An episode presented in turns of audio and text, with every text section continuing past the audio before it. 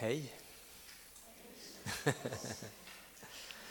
är fint att vara här med er idag. 13 augusti. Klockan är 11 och 26, nej 31 blir det ju. Varför säger han så? Ja, det är det som är tiden just nu. Det är vad klockan är och det är den dagen det är.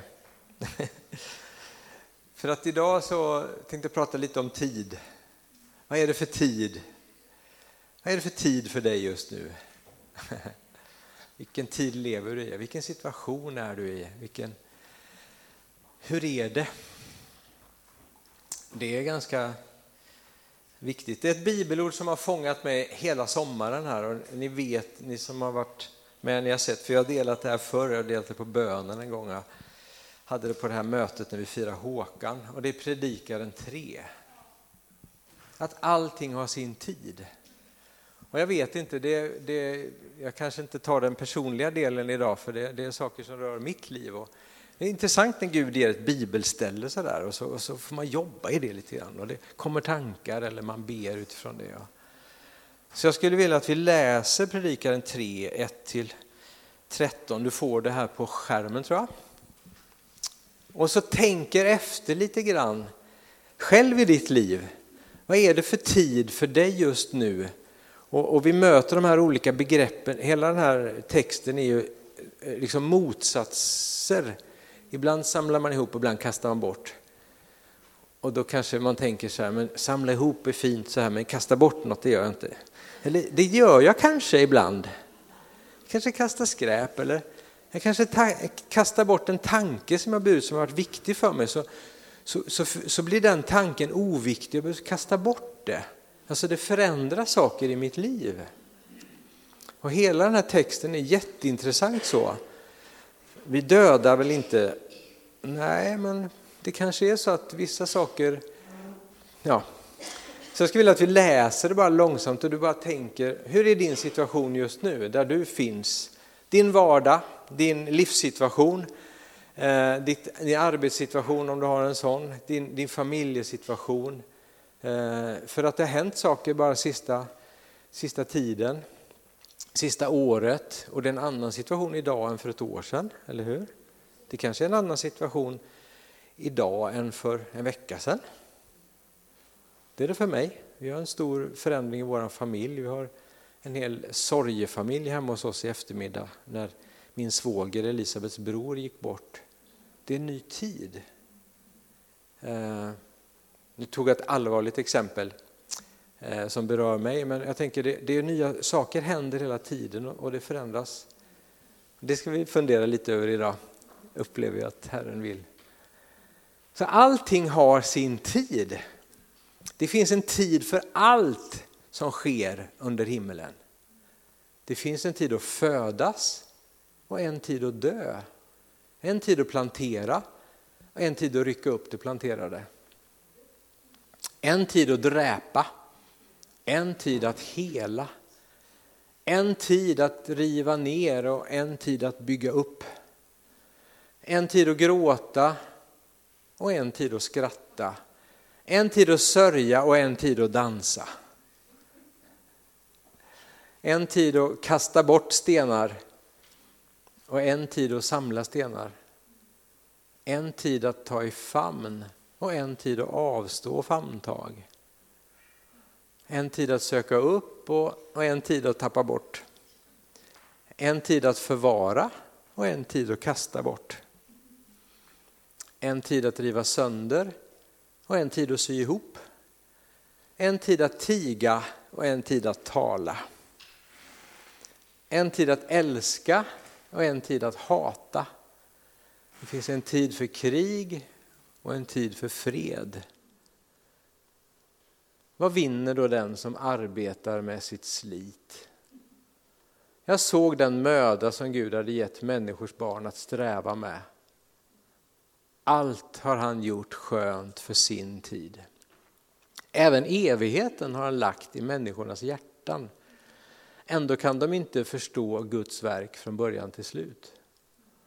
Jag insåg att det inte finns något bättre för dem än att vara glada och göra det goda så länge de lever. Och när en människa äter och dricker och ser det goda i sin möda, då är det en Guds gåva. Vad enkelt det låter på slutet. Eller hur? Är det jättekomplicerat det här eller är det jätteenkelt? Det är kanske vi som komplicerar livet. Jag tycker det är jätteroligt det här, liksom. jag tänker på saker man samlar ihop och ibland när man kastar bort saker. Och i sin själ, ibland när man samlar på sig saker. Och som nu, det kom ett profetiskt ord här, fint. Att, att, att Gud vill ta din last. Ibland får vi kasta bort saker vi bär på. Det finns tider där det finns någonting Gud gör just nu i ditt liv. Vad är det för tid? Vi som människor är ofta fulla av att sen ska vi göra någonting. Är du med?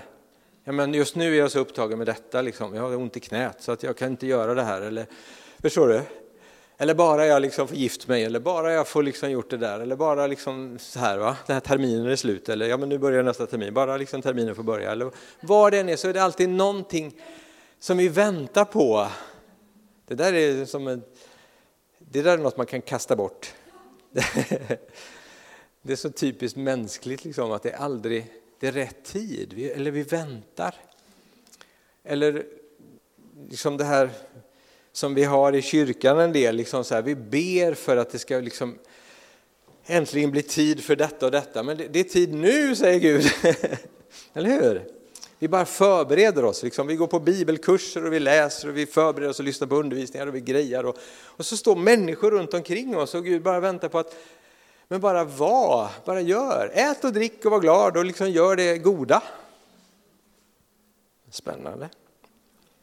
Så människans förutsättningar, din och min förutsättning i det här, det är liksom detta att förvalta den tid vi har fått. För tiden är liksom nyckeln, det är egentligen det är nästan det enda vi har fått. Vad gör vi av vår tid? Hur förvaltar vi tiden? Eller, eller får den bara gå? Har du fått sån där eh, på din telefon där du ser någon gång så här hur mycket tid du har lagt på, på att titta på telefonen på den senaste veckan? Har du fått sån någon gång? Då tänker man, gode gud, varför har jag suttit hur nu, lång tid det nu är varje dag på, och tittat på telefonen? Är det bra? Ja, det, jag ska inte ha någon fördömande predikan om detta, men det finns ju saker vi kan, jag menar inte att vi ska bara vara effektiva, men att förvalta tiden på rätt sätt. Jättemånga människor idag säger att de är trötta, att man inte har tid, att tiden inte räcker till. Jag tror Gud vill ge oss en syn på vår tid där, vi, där det räcker till. Ja. Det spännande med det här är på något sätt att, att tiden finns ju nu. Vi tänker ju liksom, jag menar, vi, vi, har, vi har lärt oss alla linjer, så här, noll, Kristi födelse liksom, och reformationen 15 år. Då. Liksom, vi har gjort tidslinjer. Och, vi har gjort det med våra konfirmander, vi har liksom gjort hela gatan här ute, ritat upp en linje och gått från världens skapelse och Abraham och Mose och Jesus och liksom alltihopa det här och fram till idag för att se, liksom så här, vi älskar sådana här tidslinjer. Men vad är det som händer i evigheten? Är det sådär, så, är evigheten så här jättelångt tråkigt möte när vi ska sitta och lyssna på en tråkig predikan som håller på i evighet? Oh. Nej men då finns det ingen tid, eller hur? För när kom tiden till? Och när Gud skapar solen upp och ner och det här, då, då, då startar tiden.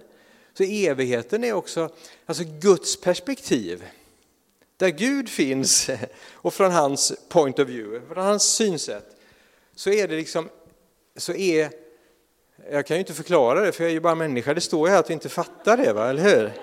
Även evigheten har lagt i människors hjärta, men vi kan inte förstå Guds verk. Men någonstans så finns inte tiden i evigheten. Det är Guds perspektiv. Eller hur? Och jag är här och är stressad över någonting. Eller som jag sa i en predikan en gång, som en, en broder, det bara ramlade ner, det blev starkt budskap från honom. Jag sa, det enda som har ont om tid är djävulen. För hans tid är ute, den är tidsbestämd. Din och min tid är evighetstid.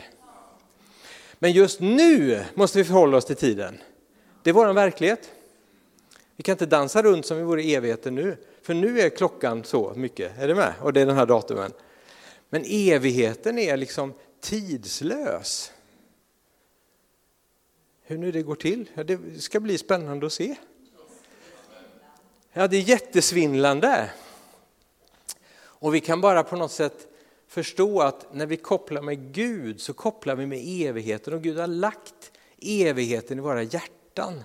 Så det finns ett utrymme där, där det finns, där det finns luft och tid och utrymme och plats. När det är trångt här, när det är tidspress här, när det är jobbigt här, så har vi också kopplat med evigheten i våra liv. Är du med? Där är det utrymme, det är evigt, det är liksom lugnt, det är fri, det är liksom... Åh! Och du och jag, vi har fått nyckeln så här, att be så som i himmelen, så på jorden. Så som i evigheten, så i tiden. Och här är vi liksom så här, vi ska liksom sammanföra det här. Och sen då, våra förutsättningar att förvalta tiden vi har fått. Och det andra är att vi kan inte förstå helheten. Besvärligt va? Ska jag säga någonting jag är trött på? Jag är egentligen trött på när man hör förkunnelser och läser böcker och sånt. När man hör så förstår sig på när man liksom tror man har fattat allt. Eller när man syr ihop liksom hela tidsplanen när Jesus kommer tillbaka. Eller när man liksom är sådär, då tycker jag inte längre att det där är riktigt bra. För någonstans måste mysteriet med Gud finnas med. Ja, man gör sig själv till Gud. Alltså, vi kan säga saker, vi kan vara ganska påstridiga så här om, om saker och det får vi vara som människor också. Men någonstans finns det alltid ett sånt där, nej vi vet inte riktigt. Vi vet inte vad som rör sig i en människa. Ibland vet vi inte ens vad som rör sig i oss själva. Om jag ska vara ärlig. Är ni med? En ödmjukhet.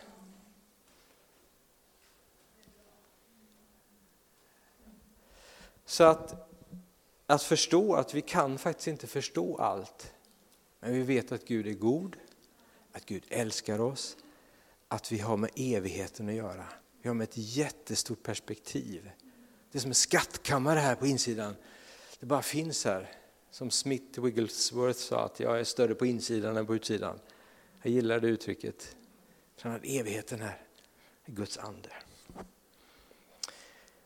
Det, det, andra som, eller det tredje förutsättningen som är, det är att, att det finns någonting gott från Gud i varje tid.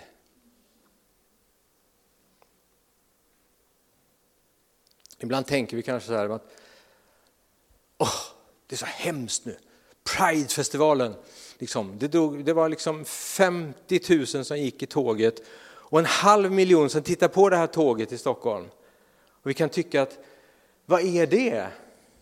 Förstår ni? Det, eller, det finns saker i vår tid där vi känner så här, vi reagerar mot det. Och då kan vi tänka så här, varför ska vi leva just nu? Varför ska vi inte leva just nu? Vi kanske har en kallelse in i den här tiden. Kriget i Ukraina, varför ska vi leva just nu? Varför ska vi vara just nu? Varför är det här, liksom, kan det inte bara sluta så det blir bra igen? När vi kanske kallar in den här tiden. Är ni med? Det finns saker vi hänger upp oss på och tänker att om det bara inte var så i världen, jag vet inte vad du hänger upp dig på, vad du tycker om Pride, jag vet inte, så, men förstår ni? Att, att hänga upp sig på saker, men vi är kallade till den här tiden som är nu. Eh, vi vet också att Jesus är alltid i rätt tid. bara, jag ska citera några bibelställen som bara är, man läser om tid i, i Bibeln, tycker det är spännande. Så här, när tiden var inne, medan vi ännu var maktlösa, dog Kristus i det ogudaktiga ställe. Romarbrevet 5 och 6. När tiden var inne. Ibland är tiden inne för olika saker. I Galaterbrevet 4, 4-5 står det så här. När tiden var inne sände Gud sin son, född av kvinna, ställd under lagen för att friköpa dem som stod under lagen så att vi skulle få söners rätt. Och i Efesierbrevet 1 och 9. Han har låtit oss få vilja sin, veta sin viljas hemlighet enligt det beslut han har fattat i Kristus. Den plan som skulle genomföras när tiden var inne att sammanfatta allt i himlen och på jorden i Kristus. När tiden var inne. Jesus, så att det bästa vi kan vara att vara i rätt tid, det var i Jesus. När vi är i Kristus. När vi inte går vår egen väg, när vi överlåter oss själva, när vi överlåter vår dag på morgonen. Jesus, jag vill vara i dig idag. Jag vill vara i din vilja. Vi kanske inte behöver tänka så mycket först, så här, vad är Guds vilja idag? Hallå, hallå, så här. Utan låt, låt liksom Gud få, Jesus få visa sig din vilja i den dagen. Han leder dig. Han för dig på äventyr. Du möter människor och saker händer och, och du får vara i rätt tid, för Jesus är i rätt tid, alltid.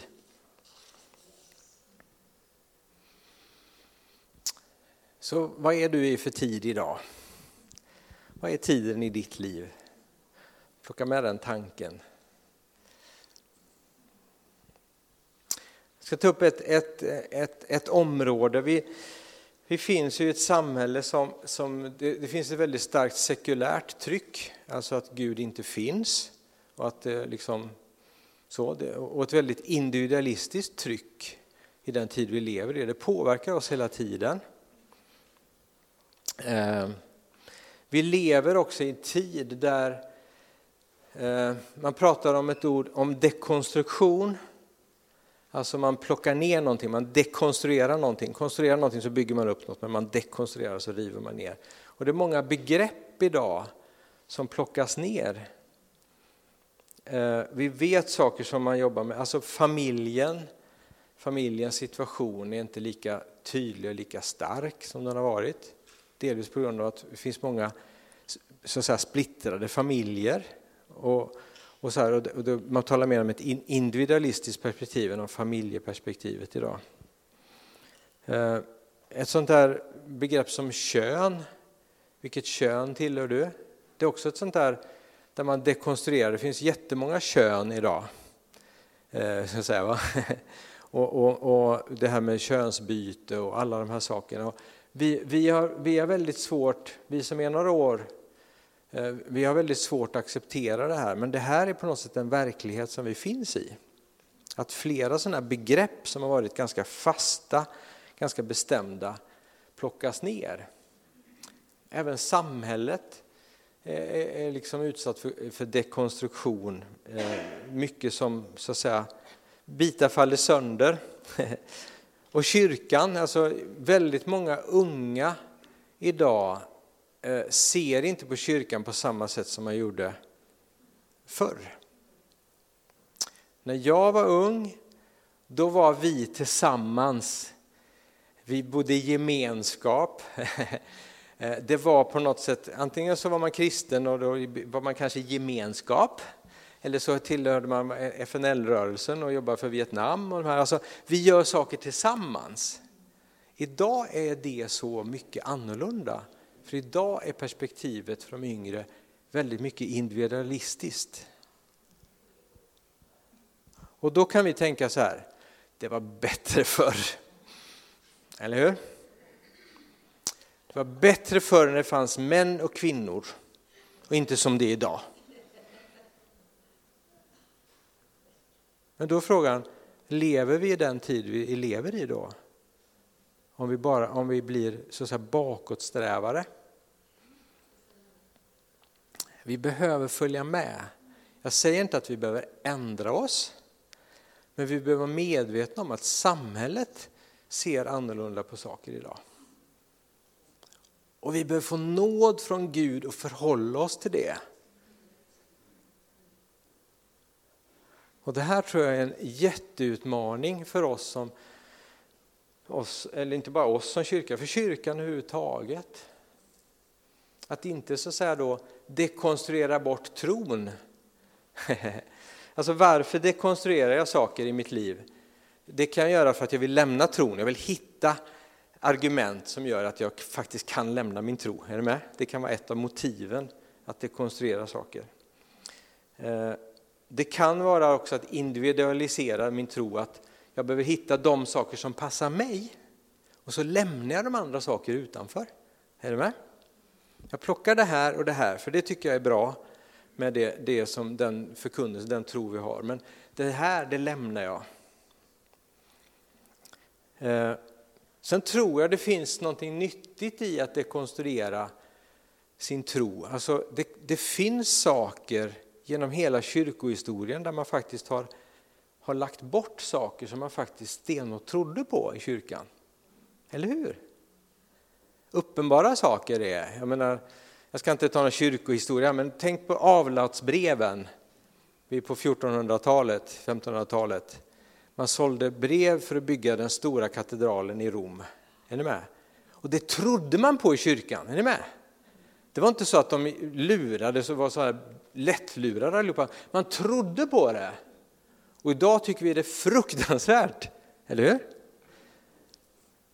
vet inte varför jag tar det som exempel, men det finns saker där, jag menar hela slaveriet har liksom också beskyddats av kyrkan vissa perioder. Det ser vi idag att vi tror inte på slaveriet. Och så här. så att det, det kan finnas saker i din och min tro som är faktiskt nyttigt att vi dekonstruerar. Jag tror vi har förändrat syn på församling och kyrka på olika sätt. Det finns vissa saker som vi behöver dekonstruera. Nu blir det lite jobbigt här för vissa tror jag. Men jag tror att det, det finns en process av det som, är, som kan vara viktig. Men jag tror också att eh, det behövs, om det finns en dekonstruktion så behöver det också finnas en rekonstruktion. Jag tror att det finns ganska många, kanske både äldre och yngre, men många yngre idag som man dekonstruerar sin tro som man egentligen tappar bort sig. Och då tror jag då har det blivit fel. Så att det behövs idag om vi nu ser att det är annorlunda, det är mer individualistiskt, det är mer, flera av de här stora viktiga begreppen som var viktigare tidigare finns inte längre. Då behöver vi rekonstruera, på något sätt bygga upp på nytt. Vad är kärnan i, i tron för att kunna nå hjärtan? Eller hur? Där tror jag vi har ett stort arbete. Vad är det, vad är det allra viktigaste för dig när det gäller din tro? Vilka saker skulle du kunna vara utan?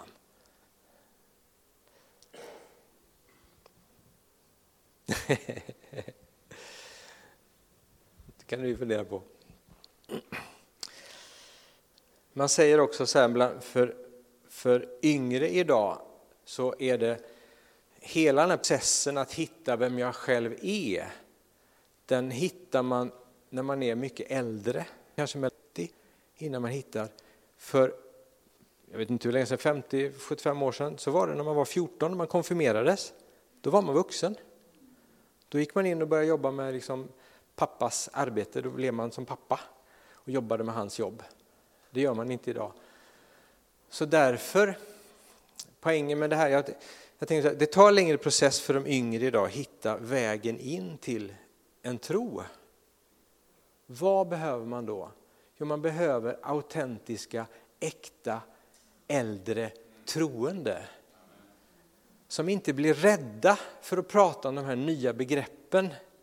Som inte är liksom främmande och bara säger så här, nej, liksom så här, utan säger så här, kom, vi sätter oss och så snackar vi. Hur tänker du om det här? Vad spännande, hur resonerar du i detta? Någon som är trygg i sin tro, även om vissa av de här gamla de storheterna så att säga, som vi gärna vill ha med, även om de är ifrågasatta, som inte tappar sin tro på Gud. För att man träffar någon som är, har bytt kön. eller som har liksom förändrat eh, världsbilden om, om, om, hur man lever familj eller, eller hur man lever församling de som inte går på söndagar. Liksom. Att man inte liksom så sätter upp massa, massa så här, måste göra det först, måste göra det först, utan vi behöver sitta ner med de som är yngre och prata utifrån den verklighet man är idag. Inte lägga på detta och detta och detta och detta och detta måste du göra först, så kan vi prata sen. Vi behöver kunna möta människor. Det tror jag är att leva i den tid vi lever idag. Och veta att processen för yngre människor tar mycket, mycket längre tid och är väldigt mycket mer individualistisk. Det blir lite jobbigt här och tråkigt. Allt har gjort skönt i sin tid. Så frågan är, lever vi i den tid som är just nu? Ibland lever vi kanske lite i drömmarnas värld om, om sådär som det var på gemenskapstiden kan vi säga som var med på gemenskapstiden i den här församlingen. Vissa vet inte ens vad det, vad det är och det spelar ingen roll. Men på något sätt vi kan vi kan bli sådär, att det där var bra. Och så lever många människor. Vi lever i någon slags romantisk bild av, av någonting som var. Liksom, va? Men det är en utmaning för oss att leva i den tid som är just nu. Och jag tror att det är det som, som eh, Predikaren 3 handlar om. Jag tänker på Ester. Esters bok. Har du inte läst den på länge så gör det, jag rekommenderar dig. Och liksom bara det, är en, det är en jättemärklig bok. Jag pratar inte om Gud överhuvudtaget. Men ändå är Gud i centrum. Det är, det är liksom en sekulär kontext. Därför är den lite spännande idag. Och så Ester då, denna judiska kvinna som liksom på grund av att hon är väl, vad stod det, välbyggd och, och vacker så får hon komma in i, i den situationen som hon hamnar i och få rädda judarna. Ja, det är superintressant. Bara läs den och bara liksom, Frossen vill ha en sån här häftig deckare liksom, så läs Esters bok. Men vad är det, vi tar det bibelordet bara, jag vill bara komma dit, inte hålla på och mala för länge med detta. Men det här är versen då med den här, för om du tiger denna gång eh, kommer hjälp och befrielse till judarna från annat håll. Men du och din fars hus kommer att gå under. Vem vet, kanske är det just för en tid som denna som du har uppnått kunglig värdighet. Eh, vi kan ligga kvar där. Alltså, Gud gör sin plan i alla fall, ser du det här? Det är jättespännande. Hon får, får liksom möjligheten här att tala för att rädda judarna. Och det, det första i den här versen säger så här, om inte du gör det så gör någon annan det, för Gud har det som plan. Gud gör sin plan i alla fall. Det tycker jag är spännande. Och sen så står det så här, men kanske är det just för den här tiden. Och då satt Ester där och tänkte nostalgiskt, om jag ändå var tillsammans med judarna där hemma och vi firade våra högtider och inte var i den här tiden, då skulle Gud verka i mig. Nej, är du med? Utan Ester var där, hade kommit in i en helt ny livssituation. Jag är helt galen egentligen om man tänker efter. Eh, och får det här uppdraget just för den här tiden. Hon kunde liksom inte ändra på några omständigheter runt omkring, men hon kunde rädda sitt folk. Wow! Häftigt. Och så, så gjorde hon det. Ja, men hon var så modig så inte klokt. Precis. Och vi, vi låter det här vara en liten cliffhanger, du får läsa själv där och få, få del av de här detaljerna. Men, men jag tror frågan är till dig och mig idag, vill vi vara en Ester just för en tid som denna? Eller vill vi hänga kvar i ett, något nostalgiskt, så var det då? Eller vill vi ta de människor vi har runt oss där vi finns? Vill vi ta den situationen där vi är? och stå upp som Ester just för en tid som denna. Trots allt vi kan tycka, oh, det är inte som det borde vara, det är inte så, det är inte så, det är inte så. Men jag tror Gud säger till var och en av oss, just för en tid som denna, på ditt jobb, i din familj, i din situation, vilka omständigheter du än har, så vill Gud just nu att du och jag får stå upp där. Amen. Tack Jesus. Kan ni se framför er om, om Kristi kropp idag fick tag i det här?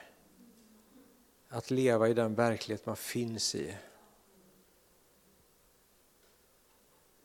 Inte, inte ursäkta sig på grund av omständigheter. Inte nostalgiskt längta tillbaka. Minnas och vara tacksam till Gud för det som har varit, men leva i den tid som är nu och gick i det. Där tror jag vi har en sån häftig kallelse från Gud. Det finns en uppgivenhet i vår tid som vi får akta oss att vi inte hamnar i. För att, att den här tiden med ett sånt vad ska säga, stort sökande av sin identitet som många människor lever i, det finns också en stor förtvivlan. Och församlingen kommer att fyllas med människor som är så söndertrasade. Och i det här finns en uppgivenhet. Men det ska inte du och jag vara del av i Guds församling.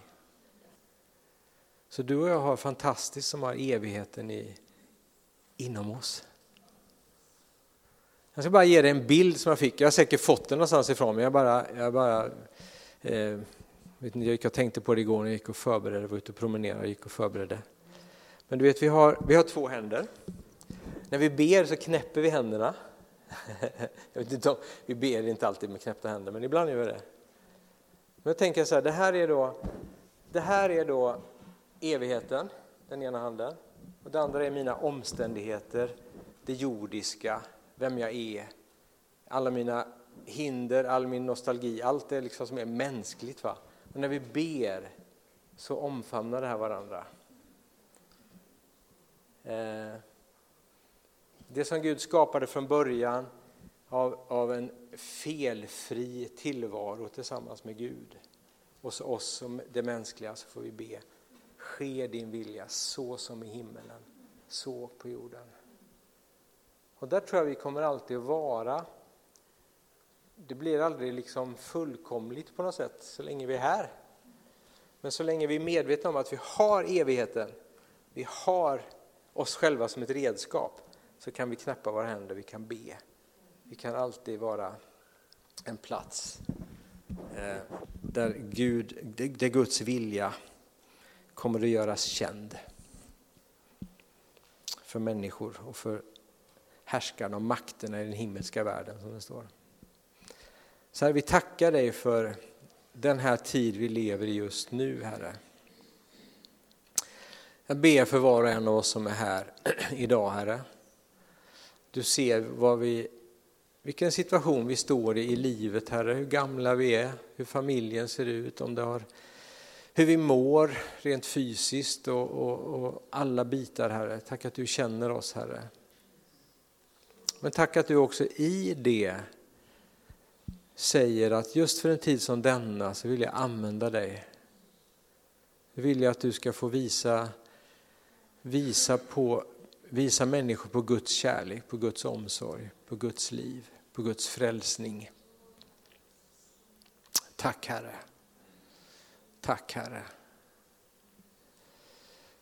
Vi ber att vi ska få öppna ögonen för de här olika bitarna. Tack för saker vi har fått kasta bort. Tack för saker vi får samla ihop. Eh, Tack för de olika tiderna i våra liv, Herre. Vilken tid vi än är i så, så har du någonting för oss just nu, Herre. Just i det vi står i, Herre. Tack Jesus. Prisa dig, Herre. Så tackar vi dig för allt vi inte förstår din storhet och din plan och hur det ska gå och hur allt ska lösa sig. Och att vi bara får ge det tillbaka till dig Herre. Vi får bara lita på dig Herre, varje steg vi tar Herre. I nuet Herre. Vi prisar dig Herre. Tack Herre. Tackar dig för tiden. Att vi får förvalta den på ett bra sätt Herre. Att du leder våra steg. Herre vi lovar dig, prisar dig. Amen.